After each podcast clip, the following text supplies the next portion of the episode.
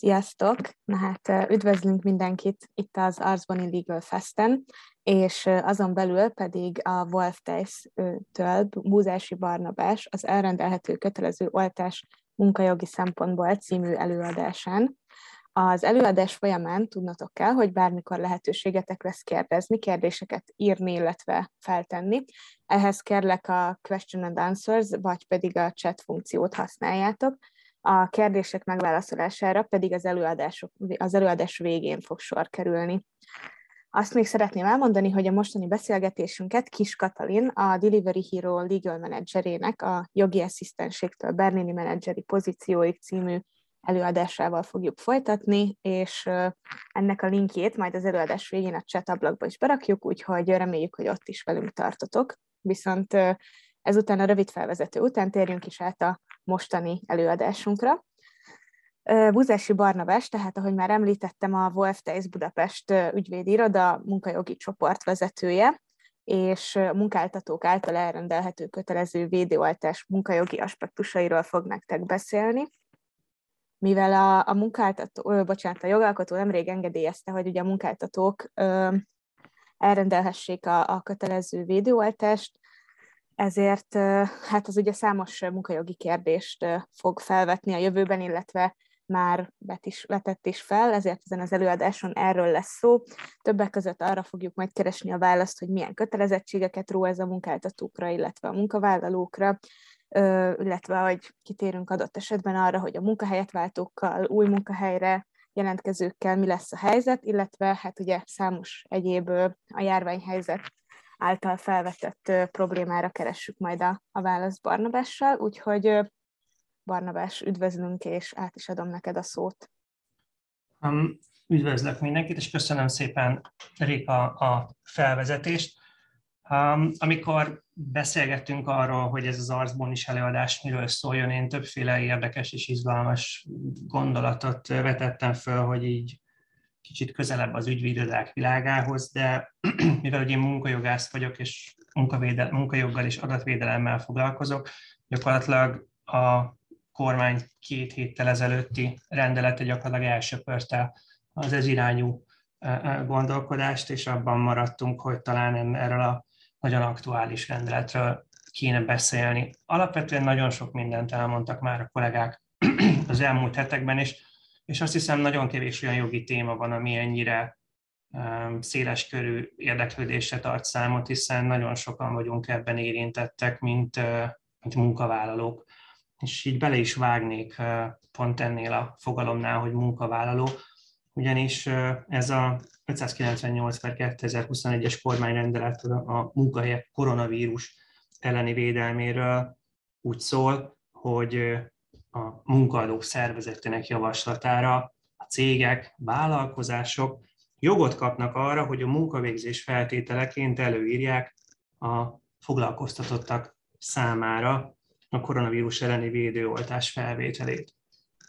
Az első kérdés, amit a kollégáknál megakadt a tekintetünk, az a foglalkoztatott definíciója, mert a munkajogban munkáltató munkavállalóról beszélünk itt pedig cégekről, vállalkozásokról és foglalkoztatottakról, tehát nyilván elsősorban arról kéne egy picit beszélni, hogy, hogy, hogy, a, hogy a alanyi kör, a személyi hatály az hogyan alakul. Többen rámutattak, hogy a foglalkoztatott definíció az a, a társadalombiztosítási ellátásra jogosultakról, vagy ezen ellátások felezetéről szóló 2019 évi 122-es törvényben van, vagy található meg, ami úgy szól, hogy aki nem minősül egyén, illetve társas vállalkozónak, és foglalkoztatója biztosítással járó jogviszony keretében foglalkoztatja, ez a foglalkoztatott definíció, ami alapján mi azt látjuk, hogy ide a megbízás, tartós megbízás egyéb jogviszonyban egyéb jogviszonyban munkát végzők nem férnek bele, de momentán ez sem teljesen egyértelmű. Mi azt gondoljuk, hogy, hogy a, ezt a foglalkoztató definíciót tudjuk használni a, a jövőben. A személykört egy másik pontja fontos, hogy ugye a hatája alól a, a jogszabály kivesz meghatározott embereket, akik részére a védőoltás, védőoltás felvételére nem kötelezhetőek köre, akik, akiknek egészségügyi jogból ellenje volt az oltás. Mindenki, aki foglalkoztatott, kivéve az a foglalkoztatott, akinek egészségügyi szempontból ellenje volt. Nyilván egészségügyi szempontból beszélünk. Nagyon fontos kérdés, hogy ki állapítja meg ezt az ellenjavallatot. Erre meg is határoz egy sorrendet a, a jogszabály, az üzemorvos, ennek hiányában a munkaegészségügyi alkalmasság ellátás elbírálására jogosult más orvos, végezetül pedig a, a házi orvos, ami nyilván további technikai problémákat vet föl, mert egyébként tipikusan az üzemorvosok, akik elsődlegesen a rendelet alapján ennek elbírálására kötelezettek, nem feltétlenül rendelkeznek olyan széles körű ismeretekkel a munkavállaló egészségügyi állapotára, mert egyébként ugye a foglalkozás egészségügyi szempont orvosi vizsgálatok nem feltétlenül terjednek ki ugye az adott munkakör tekintetében erre a vizsgálatra, de most elméletileg erre ki kell terjednie. Itt pedig jön a, a második legfontosabb pont, illetve hát a személy hatály után térjünk rá, hogy ugye mi is végig a rendeletnek a veleje. Ugye azt mondja a második szakasz első bekezdése, hogy a munkáltató az egészség megóvása érdekében a munkahely és a munkakör sajátosságára is figyelemmel védőoltás felvételét a munkavégzés feltételeként állapíthatja meg. Gyakorlatilag itt a oltási kötelezettség előírásáról beszélünk, ami hát azt gondoljuk, hogy egyébként egy alkotmányjogi szempontból is egy nagyon komoly kérdés, amelyet gyakorlatilag most így a munkavállalók, ugye pontosabban a munkáltatók megkaptak, mint, mint egy kötelezettséget, hogy ezzel érdemben kezdjenek el foglalkozni, mert látjuk, hogy az a rövidke kis kitétel, mi szerint ugye az egészség megúvása érdekében a munka és a munka sajátossága és figyelemmel, az egyébként elég sok feladatot és kötelezettséget ró a munkáltatók számára. Az Alkotmánybíróság korábban a 39 2007-es AV határozatban foglalkozott a, a, a kötelező oltások a, a alkotmányjogi kérdésével, ami, ami annyiban eltér a mostani helyzettől, hogy ott nem felnőtt emberek, cselekvőképes állampolgárok kapcsolatban szólt, hanem a gyermekek részére előírt kötelező védőoltások kapcsán volt ez a döntés, ahol azért egyébként több releváns megállapítást is tettek, amelyeket most is tudunk alkalmazni. Egyrészt az, hogy személyiségi jogról beszélünk, és a személyiségi jog alkotó eleme a személyiség integritásához való jog, ennek pedig ugye egyik része a testi integritáshoz való jog. Ez bár az alaptörvény előtti alkotmány szakaszokra hivatkozik, tekintettel arra, hogy ebben gyakorlatilag szövegszerű változás sem történt, és ugye az alkotmánybíróság azt mondta, hogy ezekben az esetekben ugyanúgy a, korábbi megállapítások irányadók, ezért azt gondolom, hogy ezeket, ha nem is agálymentesen, de, de jó közelítéssel lehet a mostani helyzetre is átemelni. Ami pedig ugye a betegember, betegemberek méltóságához való jogból következik a másik aspektus, ugye a testi integritáshoz való alapjog. Ezeket pedig ugye hogy lehet korlátozni, úgy, hogy a lényeges tartalmát nem lehet korlátozni, illetve pedig az AD-nak folyamatos és állandó gyakorlata, hogy az alapjogok korlátozása akkor alkotmányos, hogyha alkalmas valamelyik legitim jogalkotói cél elérésére, egyes. Fontos kérdés, továbbá megfelel a szükségesség és arányosság követelményeinek. Tehát látjuk, hogy a mostani helyzetben ezt az alapjogi tesztet kéne egy részben egészségügyi, foglalkozási egészségügyi szakértésbe, munkakörökre lebontva rendezni a, a, a munkáltatóknál. Az első pont tekintetében, az első gondolati egység tekintetében, ugye egy legitim jogalkotói cél, A gyermekek kötelező védőoltása kapcsán az Alkotmánybíróság úgy foglalt állást, hogy a gyermek egészségének védelme és a fertőző betegség elleni védekezés alkotmányosan elfogadható indok az alapjog korlátozásra. Viszont ugye látjuk a fontos különbséget, hogy itt egy, itt egy gyakorlatilag egy veszélyhelyzeti ideiglenes engedéllyel bíró vakcinákról beszélünk, ez, amit egyébként ugye most az állam egy jogot ad a munkáltatóknak, hogy ennek alkalmazását előírja, és az alkalmazás hiányában meghatározott szankciókkal éljen, szemben egy alapvetően sokkal inkább kipróbált, kimunkált, és, és az országok sokkal nagyobb részében már akár évtized vonatkozó 2007-es alkotmánybírósági határozata meghozataladnának időpontjában akár több tíz évre vagy évtizedekre visszamenő gyakorlattal rendelkező oltásokról beszélünk, tehát azért látjuk, hogy itt, itt már akár a, a, a maga a legitim jogalkotói cél is kérdéses, lehet, de nyilván a másik, ez a szükségesség arányosság kérdése pedig még élesebben jelenik meg. Amit ugye elmondhatunk, hogy itt nincsen állami szankció szemben azzal, amit ugye, hogyha a szülő a gyermekét nem oltatja be, akkor egyébként hogyan lép be a különböző állami szervek gyámüktől kezdve a, a, a folyamatban. Itt erről szó nincsen, itt igazából teljesen a magánviszonyokra vannak telepítve mind a kötelezettségek, mind a, azok, meg nem, azok nem teljesítése esetén a szankciók is.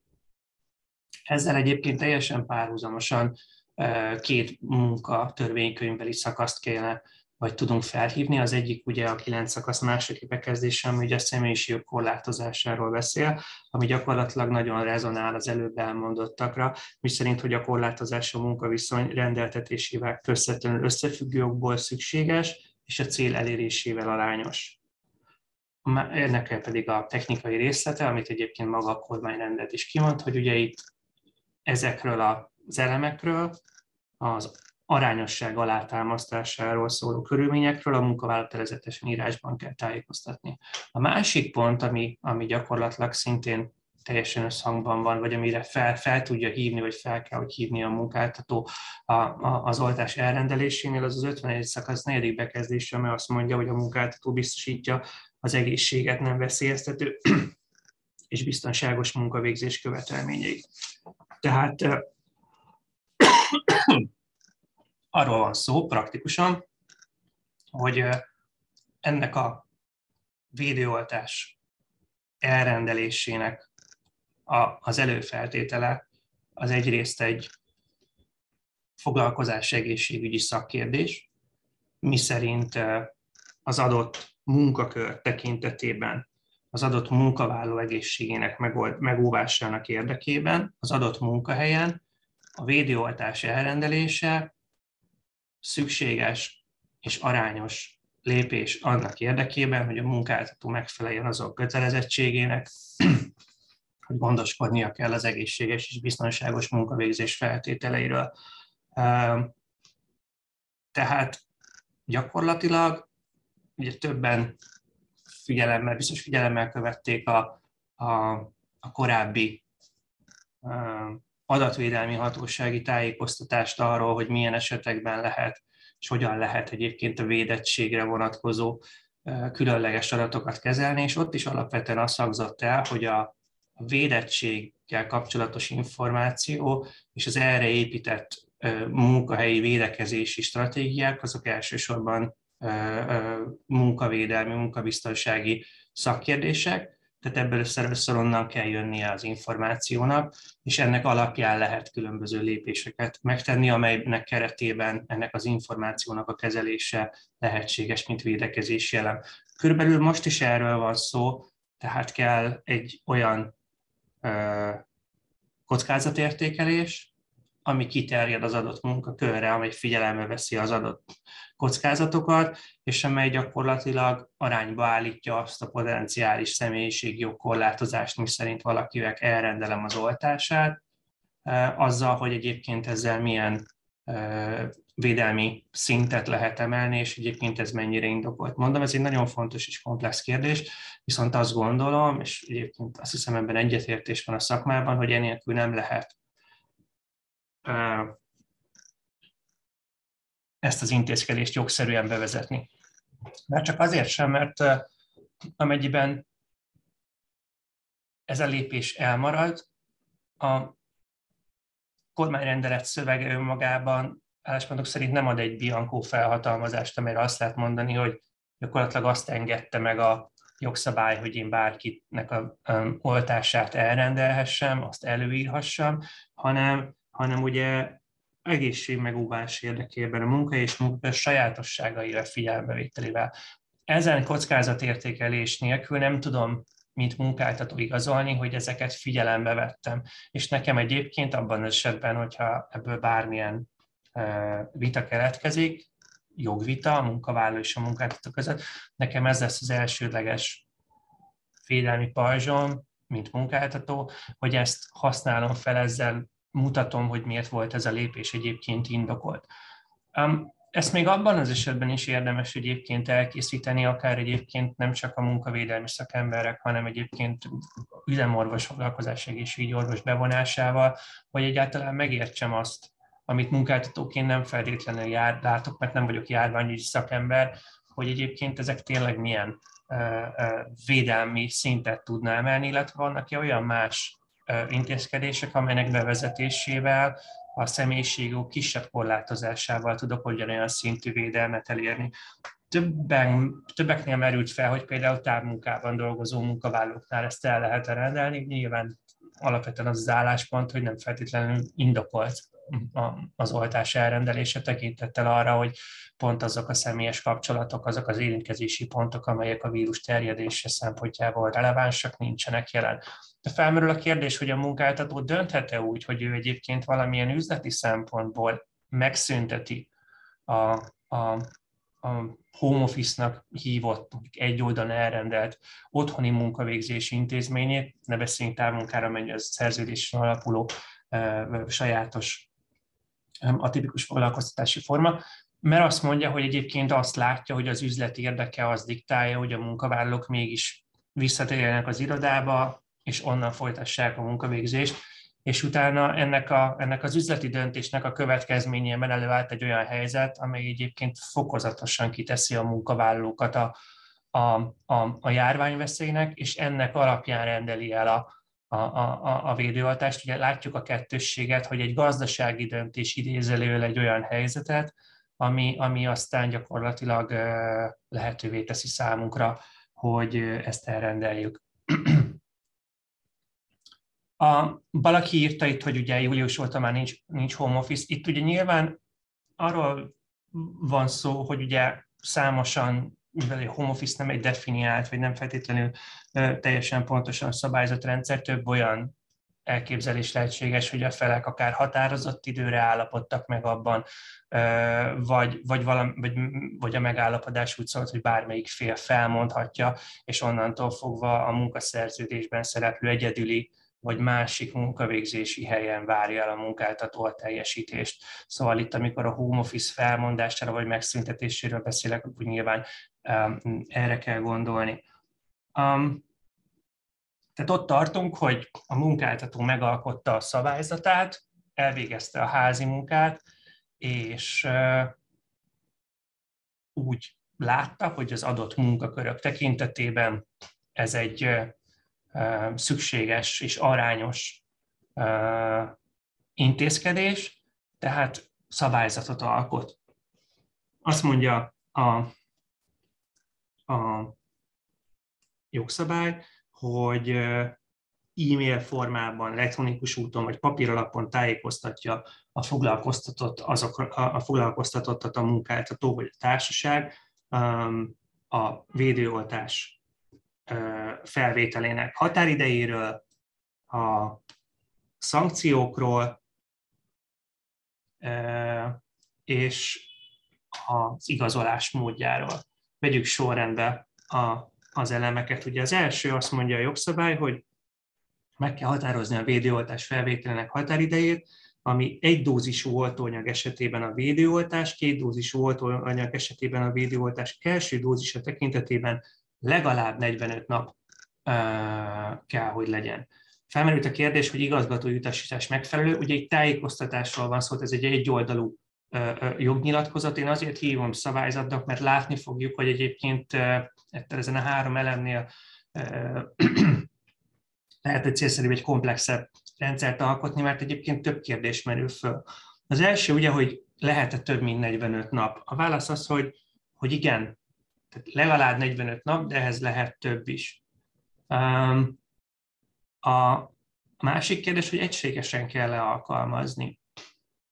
Én azt gondolom, hogy nem feltétlenül, ha, ha az előző kockázatértékelésnek van-e egyébként olyan objektív indoka, hogy miért kell valamelyik csoportban később elrendelni az oltást, olyan feltételek, amelyek egyébként ezt a fokozott védelmi helyzetet, és ezt a, ezt a fokozott kockázatot megteremtik, csak valamilyen később állnak vissza, tudom én, még egy műszak felfutása, vagy, vagy növekvő, munka, munka, növekvő munkavállaló létszám egy adott területen, valamilyen um, objektív munkaszervezési szempont miatt, akkor elnézést kérek, akkor akár itt lehet több etapban is, vagy, vagy későbbi határidőt is kitolni, de a 45 nap az a legkevesebb. A, itt felmerül a kérdés, hogy mi lesz az új belépőkkel, az új munkavállalókkal, mit tudunk csinálni akkor, hogyha egyébként a, már az állás pályázatok, állás interjúk során szeretnénk erre rákérdezni. Nagyon érdekes, mert ugye akit interjúztatunk, ő nem foglalkoztatott, hanem ő igazából ebből a szempontból a körön kívüli személy. Ugyanakkor az az álláspontom, hogy amennyiben mi már elrendeltük abban a munkakörben az oltás felvételnek kötelezettségét, amelyikben az adott munkavállaló, vagy az adott jelöltet interjúztatjuk, és tesszük, ott az oltottság tényére Nyilván egyébként azt gondolom, hogy az interjú végső stádiumában, csak fokozatosság miatt is rákérdezhetünk. Viszont abban az esetben, hogyha ő egyébként azt mondja, hogy ő nem oltott, akkor ez nem egy foglalkoztatást kizáró, hiszen abban a pillanatban, hogyha mi munkaszerződést kötünk vele, attól a pillanattól kezdve vonatkozik rá az a kötelezettség, hogy az előírt határidőben felvegye az oltást. Mi történik akkor, hogyha egyébként ezt a határidőt már, a, már meghirdettük, már megtörtént a tájékoztató, és ő neki egyébként csak rövidebb időtartam lenne lehetősége az oltás felvételére. Én azt gondolom, hogy az ő tekintetében a tájékoztatást csak onnantól lehet számítani, hogy a, a, a jogviszony létrejött, tehát számára a, a legalább 45 nap attól az időpillanattól kezdve indul, hogy, hogy, a, hogy a jogviszony vele létrejött. Nyilván egyébként ez a próbaidő kikötése mellett egyébként nyilván ugye itt egyébként nem feltétlenül erről van szó, de gyakorlatilag itt a próbaidő alatt a, az első, illetve a második oltás az alapvetően a, a, a mostani utasítási rendszer alapján egyébként is megtörténik. Tehát gyakorlatilag mi úgy, mint munkáltatók a, a három hónapos próbaidő alatt már teljesen tisztában vagyunk azzal, hogy a munkavállaló egyébként eleget tette ennek az előírásnak, vagy sem. A második pont, hogy ugye igazolni kell. Itt két dolgot ír elő a, a kormányrendelet, egyrészt ugye a személyazonosságot kell igazolni, ami,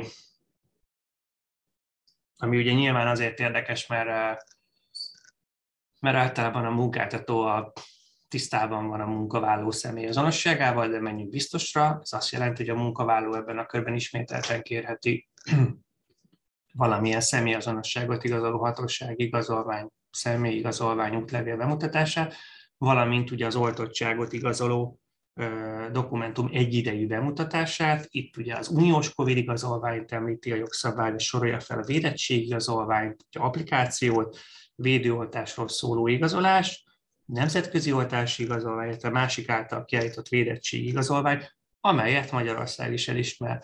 Ugye praktikusan mi az első három dokumentummal fogunk dolgozni. Ugye ez egy adatkezelés, amelyre egyébként ugye maga ez a kormányrendelet ad felhatalmazást. Ekkörben ugye a jogszabályok, ugye a, maga a kormányrendelet bemutatást ír elő, a mi álláspontunk az, hogy ez nem teszi lehetővé a, a az igazolványok lemásolását, mert ugye annak adattartalma széles körű, mint ami egyébként a jelen helyzet fennállásához szükséges, tehát ugye tipikusan személyazonosít, személy, személyazonosítás megtörténte, valamint ugye azt a információt rögzítjük, ami igazolja azt, hogy a munkavállaló az első oltást, illetve a második oltást a meghatározott időpontban egyébként felvette, milyen típusú oltást vett fel, és itt most a típus alatt azt, hogy egy, egy vakcina vagy két vakcina felvétele szükséges a védettséghez, nem az oltás típusa, mert az oltás típusát ugye nyilván ezek az igazolványok ö, ö, ö, amúgy is ö, tartalmazzák, mert ugye nyilván csak a Magyarország által elismert vakcinákat lehet itt, ö, ö, lehet velük az oltottságot ö, ö, igazolni. Érdekes, hogy ez is felmerült kérdésként, ugye, hogy a, a szankcionálási rendszer az a 45 nap, és ugye az első oltás történjen meg, de álláspontuk szerint itt azt is ebben a tájékoztatóban vagy szabályzatban rendezni kell, hogy ugye amennyiben a munkavállaló nem veszi fel a másik oltást a meghatározott időben, az is a szankciós körbe tartozik. Itt egyébként érdekes helyzet az, ugye, hogy ezek az első oltás után kiállított orvosi igazolások tartalmaznak egy dátumot a második oltás felvételének előírt időpontjába, és célszerű azt is rendezni ebben a szabályzatban, hogy a második oltás felvételére mikor kell, hogy sor kerüljön, abban az időpontban, ahogy előírják, és mi történik akkor, hogyha egyébként akár a munkavállaló, akár önhibáján kívül nem tud eleget tenni annak, hogy a második oltás előírt időpontjában egyébként jelen legyen. Nyilván a felek együttműködési kötelezettsége nagyon fontos, különösen akkor, hogyha egyébként a munkavállalóban megvan a hajlandósága arra, hogy ugye az első oltás felvétele után a teljes védettséget, vagy tudománymai állás szerint a nagyobb védettséget adó második oltást is felvegye. A, eddig így nagyjából eljutottunk oda, hogy Egyébként is még annyi, annyi megjegyzés, hogy azok, az, azok a munkavállalók, akik valószínűleg hajlandóak felvenni az első oltást, azok hajlandóak lesznek a második oltást is felvenni. Mi sokkal nagyobb problémát abban látunk, hogy és ez egy kicsit ilyen kitekintés, hogy ugye akik eddig nem vették fel az oltást, úgyhogy egyébként most már gyakorlatilag teljesen széles körű oltási paletta áll rendelkezésre, tudomásom szerint talán mindegyik oltásból van, és és alapvetően elég sok idő telt el már a, az oltás hiány óta, amíg, amíg ugye nem voltak elérhetőek. Így azt gondolom, hogy azok az emberek nem vették fel az oltást, akik, akik valamilyen oknál fogva ezt nem is kívánják. Tehát uh, itt inkább a, egyáltalán nem veszel fel annak ellenére az oltást, kategóriába fognak az emberek kerülni, nem pedig arról lesz szó, hogy az első oltás felvétele után a folyamat megakad.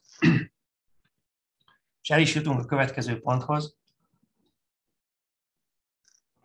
A, a szankciók rendszeréhez, ami, ami nagyon sajátos helyzetet teremt, mert a kormányrendelet azt írja elő, hogy aki a munkáltató által meghatározott határidőn belül nem vette fel, ott a munkáltató fizetés nélküli szabadságot rendelhet el kivéve, hogyha a munkavállaló ugye mentesül. Még egy visszacsatolva a mentesüléshez és a kezelt személyes adatok köréhez álláspontok szerint a munkáltató azt az adatot is jogosult kezelni, ami az orvosi ellenjavallat maga, tehát azt a tényt, körülményt, hogy a munkavállaló valamilyen orvos által igazoltoknál fogva a védőoltás felvételére egyébként nem kötelezhető.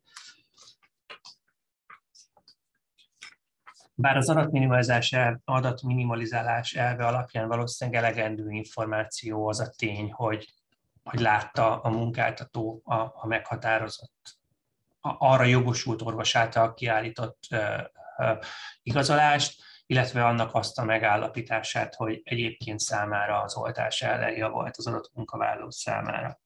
És akkor itt jövünk vissza a szankciós rendszerhez, ugye az van, hogy a munkáltató elrendelheti a fizetés nélküli szabadságot, ami feltételes mód, nem köteles elrendelni.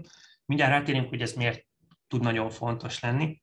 De a másik kérdés az, hogy ha a munkáltató úgy is dönt, hogy elrendeli, akkor ezt azonnal kell megtennie, vagy várhat-e vele?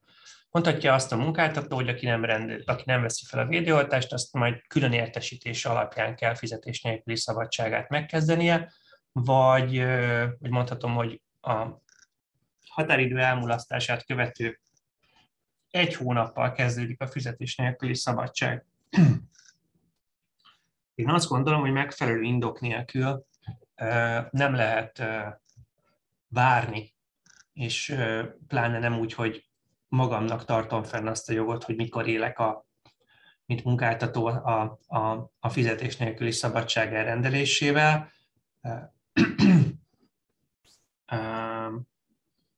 Ha csak, ha csak nincsen valamilyen olyan alapos indokom, ami miatt mondjuk az én saját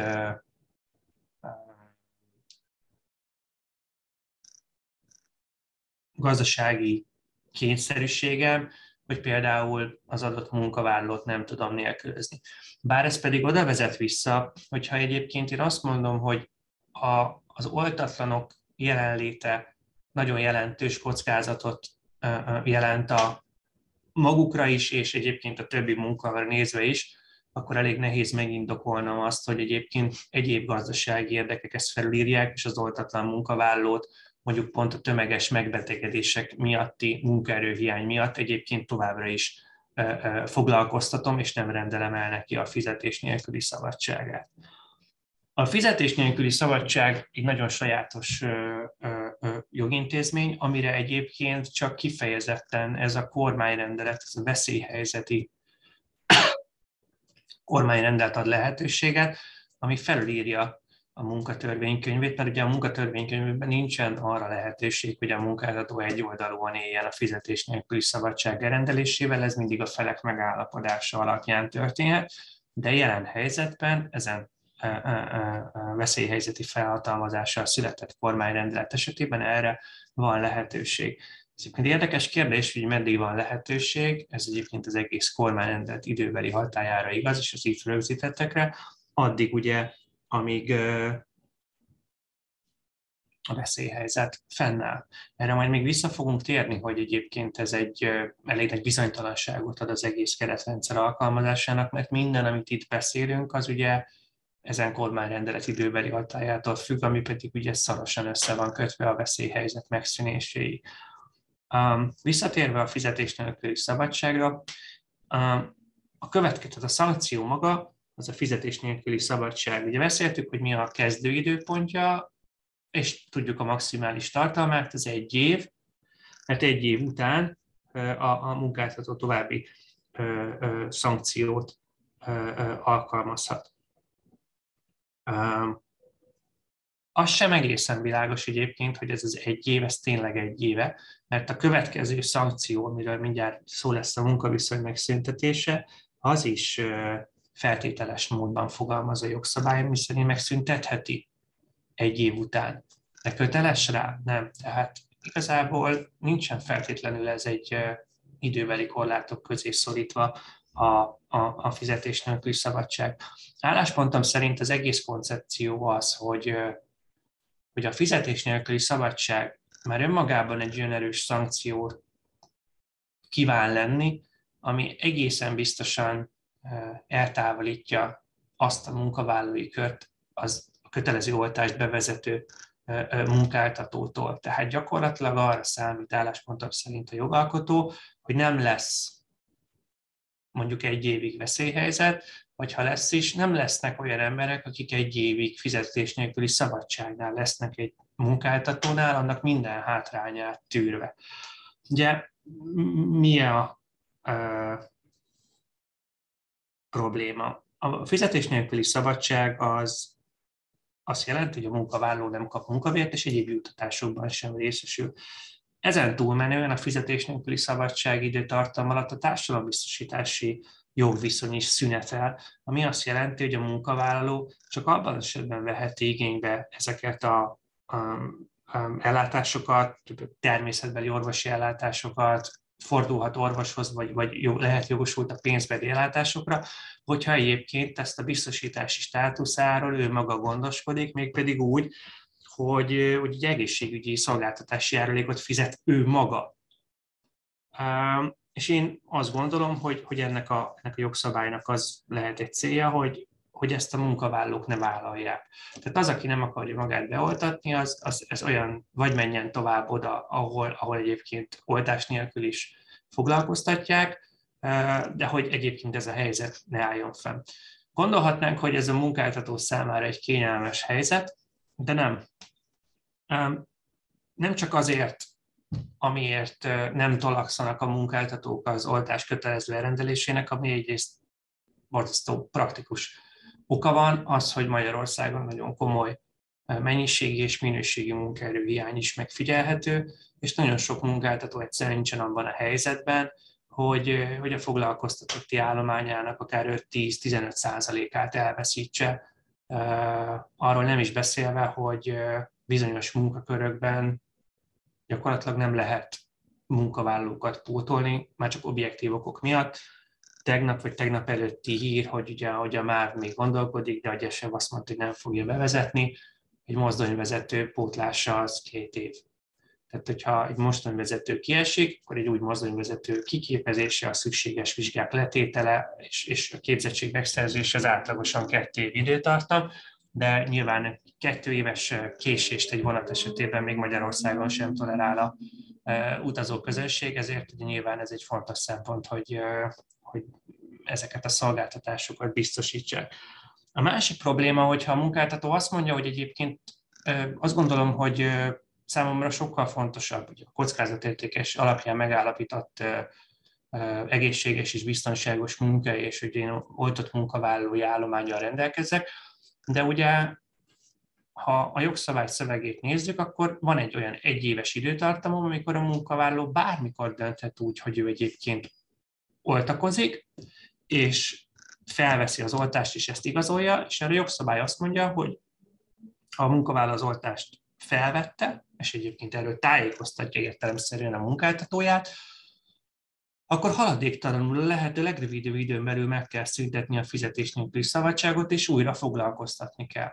Tehát ha a munkáltató azt mondja, hogy elindítom ezt a folyamatot, és számolok a munkaerő hiányjal, akkor két dolgot tehetek. Vagy azt gondolom, hogy a munkavállalói meg fogják gondolni magamat, és ebben esetben úgy járok el, mint kvázi egy rövidített szülési szabadságon vagy gyermekgondozása céljából fizetés nélküli szabadságon lévő munkavállaló esetében, azaz gondoskodok egy pótlásról, aminek egyébként az időtartamát nem tudom, arról nem is beszélve, hogy nem biztos, hogy tudok magamnak munkaerőt biztosítani egy hónapra, két hónapra, három hónapra, amit egyébként most nem is tudok megmondani, hogy ez mennyi időtartam, vagy azt mondom, hogy úgy gondolom, hogy ezek a munkavállalók semmiképpen nem fogják magukat oltatni, ezért én végleges, azaz határozatlan idejű pótlásról gondoskodom, ha viszont a munkavállaló meggondolja magát, és mégis oltakozik, akkor alapvetően nincsen feltétlenül jogszerű indokom a, az addig oltatlan munkavállaló helyére felvett munkavállaló munkaviszonyának a megszüntetésére. Um, tehát látjuk, hogy ez a fizetés nélküli szabadság, ez mindkét fél számára komoly kockázatokat rejt. És itt jutunk el a, a, az utolsó ponthoz még a, még a fizetés nélküli szabadság kapcsán. A fizetés nélküli szabadság is munkaviszony. Tehát a munkáltató vagy a munkavállaló a jogviszony fennállása alatt nem tanúsított olyan magatartást, ami a munkáltató jogos gazdasági érdekét veszélyezteti. Magyarra fordítva nagyon sok munkaszerződés kifejezetten tartalmazza, hogy ugye egyéb jogviszony, további jogviszony létesítési csak a munkavállaló előzetes hozzájárulásával lehetséges. Nyilván kérdés, hogy ez ebben az esetben mennyire kikényszeríthető, mert egyébként a munkavállaló nem tesz eleget, vagy mi nem tudunk, nem tud eleget tenni a foglalkoztatási előírásunknak, és, és mondjuk ebben az időszakban lehet, hogy nem feltétlenül célszerű vagy, vagy jogszerű totális foglalkoztatási tilalmat előírni, ezzel teljesen el lehetetleníteni a munkát, a munkavállalót, de nyilván ez is tűri a vitát. Az biztos, hogy a munkavállaló jogszerűen nem mehet el a versenytárshoz dolgozni, még akkor sem, hogyha ha egyébként most tényleg nem csinál semmit, és nem is csinálhat a munkáltatónál semmit, de, de nyilván kérdés az, hogy egyébként mondjuk egy versenytilalom szempontjából irreleváns egyéb helyre a munkavállaló, hogyha elmegy, akkor, akkor gyakorlatilag mennyi értelme van annak, hogy fenntartja ezt a jogviszonyát is, és közben máshol dolgozik. És akkor így jutunk el az utolsó problémához, hogy, hogy a jogszabály azt mondja, hogy ha egy év eltelt, akkor a munkáltató a foglalkoztatásra irányuló jogszabálytól eltérően a foglalkoztatott jogviszonyát felmentéssel, illetve felmondással azonnali hatállyal megszüntetheti. Biztos, hogy többen hallották, hallottátok, hogy, hogy azért a kollégák eléggé felhúzták a szemöldöküket ezen pont kapcsán, mert itt nagyon sok szó van egymás mellé illesztve, amelyek tartalma részben üti egymást, részben pedig nem feltétlenül van helyen. De miután arról beszélnék, hogy, hogy most akkor egy év után hogyan és milyen módon lehet megszüntetni a jogviszonyt, az a kérdés, hogy egyáltalán ki kell várni egy évet. Remek munkajogász kollégám Goda Márk világított rá egy interjúban, hogy, hogy ez a kormányrendelet nem függeszti fel a a munkatörvénykönyvének vonatkozó szabályénak alkalmazását. Tehát nem azt mondja, amit mondjuk a távmunkavégzéses rendelet, hogy a távmunkavégzésre vonatkozó szabályok helyett ezt a rendeletnek a szabályt kell alkalmazni, mert erről hallgat. Tehát készült egy új felmondási rezsim, egy, egy speciális jogszabály, míg arról nincsen szó, hogy az MT munkaviszony megszüntetésre vonatkozó szabályai egyébként ki vannak zárva. Hogyha ez igaz, és elfogadjuk ezt az érvelést, akkor az a helyzet áll elő, hogy van egy munkavállalónk, aki a kormányrendelet és a alapján meghozott intézkedésünk szerint nem tesz eleget a munkavégzés feltételének, és az munkavégzés feltételét előírt, tehát hogy a feltételéket teljesítő határidők eredménytelenül telt el. Ott vagyunk, hogy megmondjuk, hogy mik a munkavégzés feltételei, és eltelt 45 nap, és a munkaálló ezt nem teljesíti. Ezt ahhoz lehetne mondjuk hasonlítani, mint mondjuk amikor egy minőségi cserét nem alkalmazunk, és azt mondjuk a munkaállónak, hogy megváltoztak a piaci körülmények, a munkakörökben szükséges a jogosítvány, mert, mert innentől fogva csak autóval megoldható a, a, a feladatok ellátása, és adunk neked ennyi és ennyi határidőt, hogy megszerezd a jogosítványt.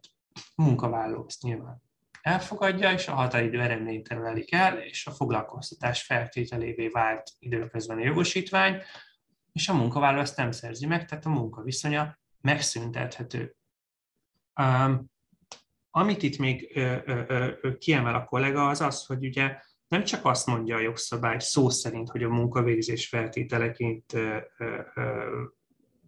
feltétele a, a, a, a védőoltás, hanem azt is mondja, hogy, hogy kötelezi, a, akinek ezt előírja, hogy a munkáltató kötelezi a munkavállalót, hogy vegye fel a védőoltást. Ebben az esetben pedig, hogyha kötelezésként tekintünk rá, akkor a munkáltatói utasítást szekte meg a munkavállaló. Amennyiben a munkavállaló megszegte a munkáltató utasítást, itt szélsőséges esetben akár az azonnali hatályú megszüntetésnek is helye van, mert ugye munkaviszonyból származó lényeges kötelezettségét szándékosan és főspanatlansággal jelentős mértékben megszegte. Míg hogyha azt mondjuk, hogy a foglalkozási előfeltétel a védőoltás, akkor pedig a munkavállaló alkalmatlan lesz a munkavégzésre, mert egy foglalkoztatási előfeltételt egyébként már nem tud teljesíteni. Hogyha ezen a gondolatot lezárjuk, akkor ez azt jelenti, hogy a oltásra előírt időtartam sikertelen elteltét követően is megnyílhatnak a munkáltatónak ezen lehetőségei, és nem kell feltétlenül kivárni az egy évet. Ez egy érdekes gondolatkísérlet, és ez így a rendelet és az MT együtt olvasásából akár értelmezhető is, mások pedig nyilván azt mondják, hogy nem véletlenül iktatta be a, a, munka, a, a, a jogalkotó ezt az egyéves, legalább egy éves ugye, fizetés nélküli szabadság időtartamát, és kreált egy sajátos, mindjárt most erre térünk rá, felmondási rezsimet. Ez a sajátos felmondási rezsim pedig gyakorlatilag azt, azt jelenti, hogy mérsékelten értem, hogy mit jelent, mert egyrészt beszélünk arról, hogy a jogviszonyát, illetve foglalkozunk itt a felmentés más közalkalmazott, beszélünk a munkavállalókról, MT hatály alatt, felmondással ez maga a jogintézmény mondja, hogy a felmondás korábbi nevén rendes felmondás, azonnali hatállyal megszüntetheti. Az azonnali hatály pedig itt egy időbeliséget jelezhet. Ez vajon azt jelenti, hogy az egy év letelte után rendes felmondással, tehát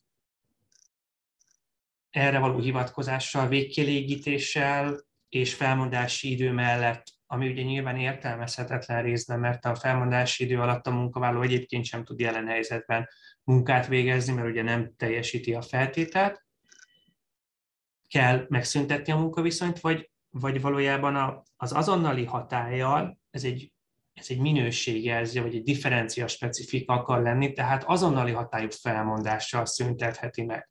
Ebben az esetben pedig ugye az a kérdés, hogy az azonnali hatályú felmondásnak az a háttérszabály, hogy az arra okot adó körülménytől számított 15 napon belül kell alkalmazni. Most akkor itt az a kérdés, hogy ez az okotadó körülmény az egy éves fizetés nélküli szabadság elteltének időpontja, amiről ugye a munkáltató nyilván tud, tehát tudomással bírt, hogy mikortól nyílik meg ez a jog. Onnantól számított 15 napja van, hogy azonnali hatállyal megszüntesse a jogviszonyt, ami esetben ugye nyilvánvalóan se végkielégítés, se felmondási idő nincsen, tehát ez egy kisebb pénzügyi csomagot jelent. Bocsánat, csak annyit szerettem, hogy közben érkeztek kérdések, oh, igen. és lassan lejárt a, lejár az időnk, úgyhogy nem tudom, hogy van-e még valami. Igen, amit... egy utolsó gondolatot még Jó. akkor ezt, és utána tényleg még egy dolog, két dologra térnék ki rá. Még két fontos szempont, ami talán picit kevesebb idő maradt, egyrészt, hogy adatkezelés. Ahogy mondtam, a jogszabály tartalmaz egy felhatalmazást az adatok kezelésére, amire megint ugye az az időbeli korlát, hogy amíg veszélyhelyzet van, ami ugye felveti azt a problematikát, hogy mi van akkor, hogyha egyébként ezeket az adatokat gyűjtöm, még folyamatban van nálam az intézkedés, de megszűnik a veszélyhelyzet. Ugye, ami a mostani szabályok alapján december 30. január 1-ig tart. Tehát nyilván a jelenállás szerint valószínűleg a veszélyhelyzet ismételten meghosszabbításra kerül, de most az van a fejünkben, hogy ez az egész, amiről beszélünk, ez 2022. január 1 van. De ez is egy alapvető probléma, hogy hogyan kezeljük azt a dolgot, hogy ezeket az adatbázisokat, ezeket az adatkezeléseket csak addig tudjuk ezen felhatalmazás alapján, ezen adatkezelési felhatalmazás alapján kezelni, amíg veszélyhelyzet van. Másik dolog, és ez az záró gondolatom még az adatkezeléshez, hogy természetesen itt ugyanúgy érdekmérlegelés, és ugye különleges személyes adatokról van szó, akár hatásvizsgálat is szükséges lesz, és erre egyébként egy külön adatkezelési tájékoztató elkészítése is szükséges. Tényleg elszaladt az idő, és köszönöm, Réka, hogy jeleztél, akkor én nézem ezeket a kérdéseket itt oldalt, vagy szeretnéd te mondani? Elvileg én mondom, de nyugodtan. Legyen így, akkor hallgatlak. Jó, tehát itt ugye szerintem már válogatni kell, úgyhogy most akkor kezdjük ezzel, hogy abból kifolyólag, hogy az MT-t ugyanúgy kell alkalmazni a jogszabályjal párhuzamosan, ebből nem következik-e az, hogy az oltatlanok az EBK-TV-re hivatkozva mondhatják azt, hogy őket hátrányos megkülönböztetés éri? Ez volt az egyik kérdés. Uh, ugye itt, itt az a kérdés, hogy mi az a, mi az a védett tulajdonság, ami, ami alapján ők hátrányos megkülönböztetésben lesznek. Tehát itt, itt az a kérdés, hogy ugye mi az oltás megtagadása, vagy az oltás nem felvételének a mögöttes háttere egy, egy vallási előírás, világnézet. Tehát én azt gondolom, hogy ez egy nagyon nehéz dolog, hogy találjunk egy olyan védett tulajdonságot, ami alapján egyáltalán ezt a tényállást fel tudjuk építeni. Ha esetleg tényleg gondolkodtunk mi is ezen, hogyha esetleg valakinek olyan a vallása, ami mondjuk kifejezetten ezt tiltja, akkor talán el tudom képzelni, de, de azt gondolom, hogy mondom, nehéz azt a védett tulajdonságot megtalálni. Még korábban érkezett egy olyan kérdés, hogy kiviseli a felelősséget, ha a munkáltató által elrendelt oltás egészségkárosodást okoz valamilyen oknál fogva. Um, én azt gondolom, hogy alapvetően uh, ugye a védőoltás elrendelése kapcsán továbbra is az államnak van elsődleges felelőssége, és, és nem a munkáltatónak, és valószínűleg nem a gyógyszercégeknek, bár nyilván ezeknek a szerződésnek a részleteit nem ismerem, mint az egyes az uniós tagállamok és a gyógyszercégek kötöttek, de azt gondolom, hogy, hogy maga az oltás engedélyeztetése és, és magyarországi alkalmazhatósága felől a, a a, a tagállam, tehát adott esetben Magyarország dönt, és ugye a munkáltató által kilátásba helyezett szankciók más típusúak, mint amikor az állam egyébként az oltás felvételét kikényszeríti más oltások tekintetében azok, amelyek egyébként elő vannak írva. Amik nem foglalkoztatás körében kötelező oltások, mint például a TBC oltás bizonyos egészségügyi személyzetnél, vagy akár csak a védőoltás az egészségügyi személyzetnél, hanem mondjuk azok az oltások, amelyeket egyébként mindenkinek be kell adni, és be is adatja az állam. Oké, okay, köszönjük. És akkor még egy kérdés érkezett, ez ugye szintén amikor arról volt szó, hogy az MT, illetve az új rendelet egymás mellett alkalmazandók, és akkor, akkor érkezett ez a, a kérdés, amikor a, alapvetően az egy év alatti vagy egy évet követő felmondásról volt szó, hogy, hogy ez alapján a logika alapján az MT-ben meghatározott szankciók is elképzelhetőek lesznek-e? Hát ugye most pont azt mondtam, hogy vagy az van, hogy írt, írta is az egyik a, a, a kollega, hogy egy, egy önálló munkaviszony megszüntetési jogcím lesz, én így értelmezem új szabály. Tehát vagy az van, hogy csak ezt lehet alkalmazni, vagy az van, hogy ezt is lehet alkalmazni, és egy önálló jogcím, ahol a munkáltatónak azt kell beírni a felmondásba, vagy az azonnali hatályú felmondásba, hogy nem tudom én mibe, hogy mert ugye kitér a jogszabály arra, hogy, hogy a megszüntetés okát és jogkövetkezményt haladéktalanul közölni kell a foglalkoztatottal. Nyilván ez nem új tehát ugye felmondás, indokolás, vezetőállású a kivételében egyébként is kötelező, de hogyha azt mondjuk, hogy ez egy új önálló jogcím, és úgy értelmezzük, és csak meghivatkozzuk a kormányrendet, és meghivatkozzuk azt, hogy ezt elrendeltük, és a munkavállaló nem teljesítette, akkor ehhez az szükséges, hogy nekünk ez, a, ez az egész rendelkezésünk egy éven keresztül hatályba legyen, hogy amikor felhívjuk, akkor még tudjunk rá hivatkozni. Ehhez kell az, hogy egy éven keresztül veszélyhelyzet legyen, hogy ezt a rendeletet váltsa ki rendes jogalkotás keretében egy másik törvény, ami egyébként módosítja a munkatörvénykönyvét, és egyébként szervesen beépül a, a, a jogalkotási szövetünkbe, mert hogyha egyébként ezek nem állnak fönn, akkor nem tudunk mit csinálni. Ezért is érdekes az, az előbbi gondolatkísérlet, amit, amit ugye említettem, hogy mi van akkor, hogyha egyébként csak az MT alapján szüntetjük meg a jogviszonyt most, frissivel 45 nap után, amit egyébként ugyanúgy indokolnunk kell, és ugyanúgy tudjuk indokolni, mondván, hogy vagy nem teljesítette a foglalkozási feltételt, vagy nem tette eleget a munkáltató előírásának. Köszönjük szépen. Egyébként érkezett egy ilyen Igen? komment is szintén, hogy, hogy az egyik hallgató szerint is önálló munkaviszony megszüntetési jogcím lesz, ez csak még hozzá tettem. Legyen így, én azt gondolom, hogy ez egy év múlva nem fog állni. Tehát, hogy, hogy ez egy nagyon, nagyon messzi időtartam, hogy ez, ez így ebben a formában egy év múlva is működjön. Tehát elképzelhető, hogy ez azért van így, ahogy van, mert arra számít mindenki, hogy erre már ezt senki nem fogja alkalmazni egy évvel később. Rendben. Igazából le is járt az időnk, sajnos, úgyhogy nagyon szépen köszönjük az előadást. Azt hiszem, hogy nagyon kimerítő és informatív volt, és mindenki hazavihetett belőle valamit, ami hasznos lesz számára. Azt még szeretném itt mindenkinek elmondani, hogy beküldtem a chatbe a linket, hogy vannak itt joghallgatók, akkor egyébként a Wolf Test-nek a munkajogi csoportja éppen gyakornokot keres, úgyhogy legalább harmadéves joghallgatók jelentkezését várják, illetve ugye, ahogy említettem, a következő eseményünkre is gyertek, és szeretettel várunk benneteket, úgyhogy akkor Barnabás, neked pedig nagyon szépen köszönjük az előadást. Én köszönöm mindenkinek a részvételt és a szuper kérdéseket, és hát további kiváló hallgatást kívánok a többi előadáshoz. Köszönjük. Sziasztok! Szervusztok!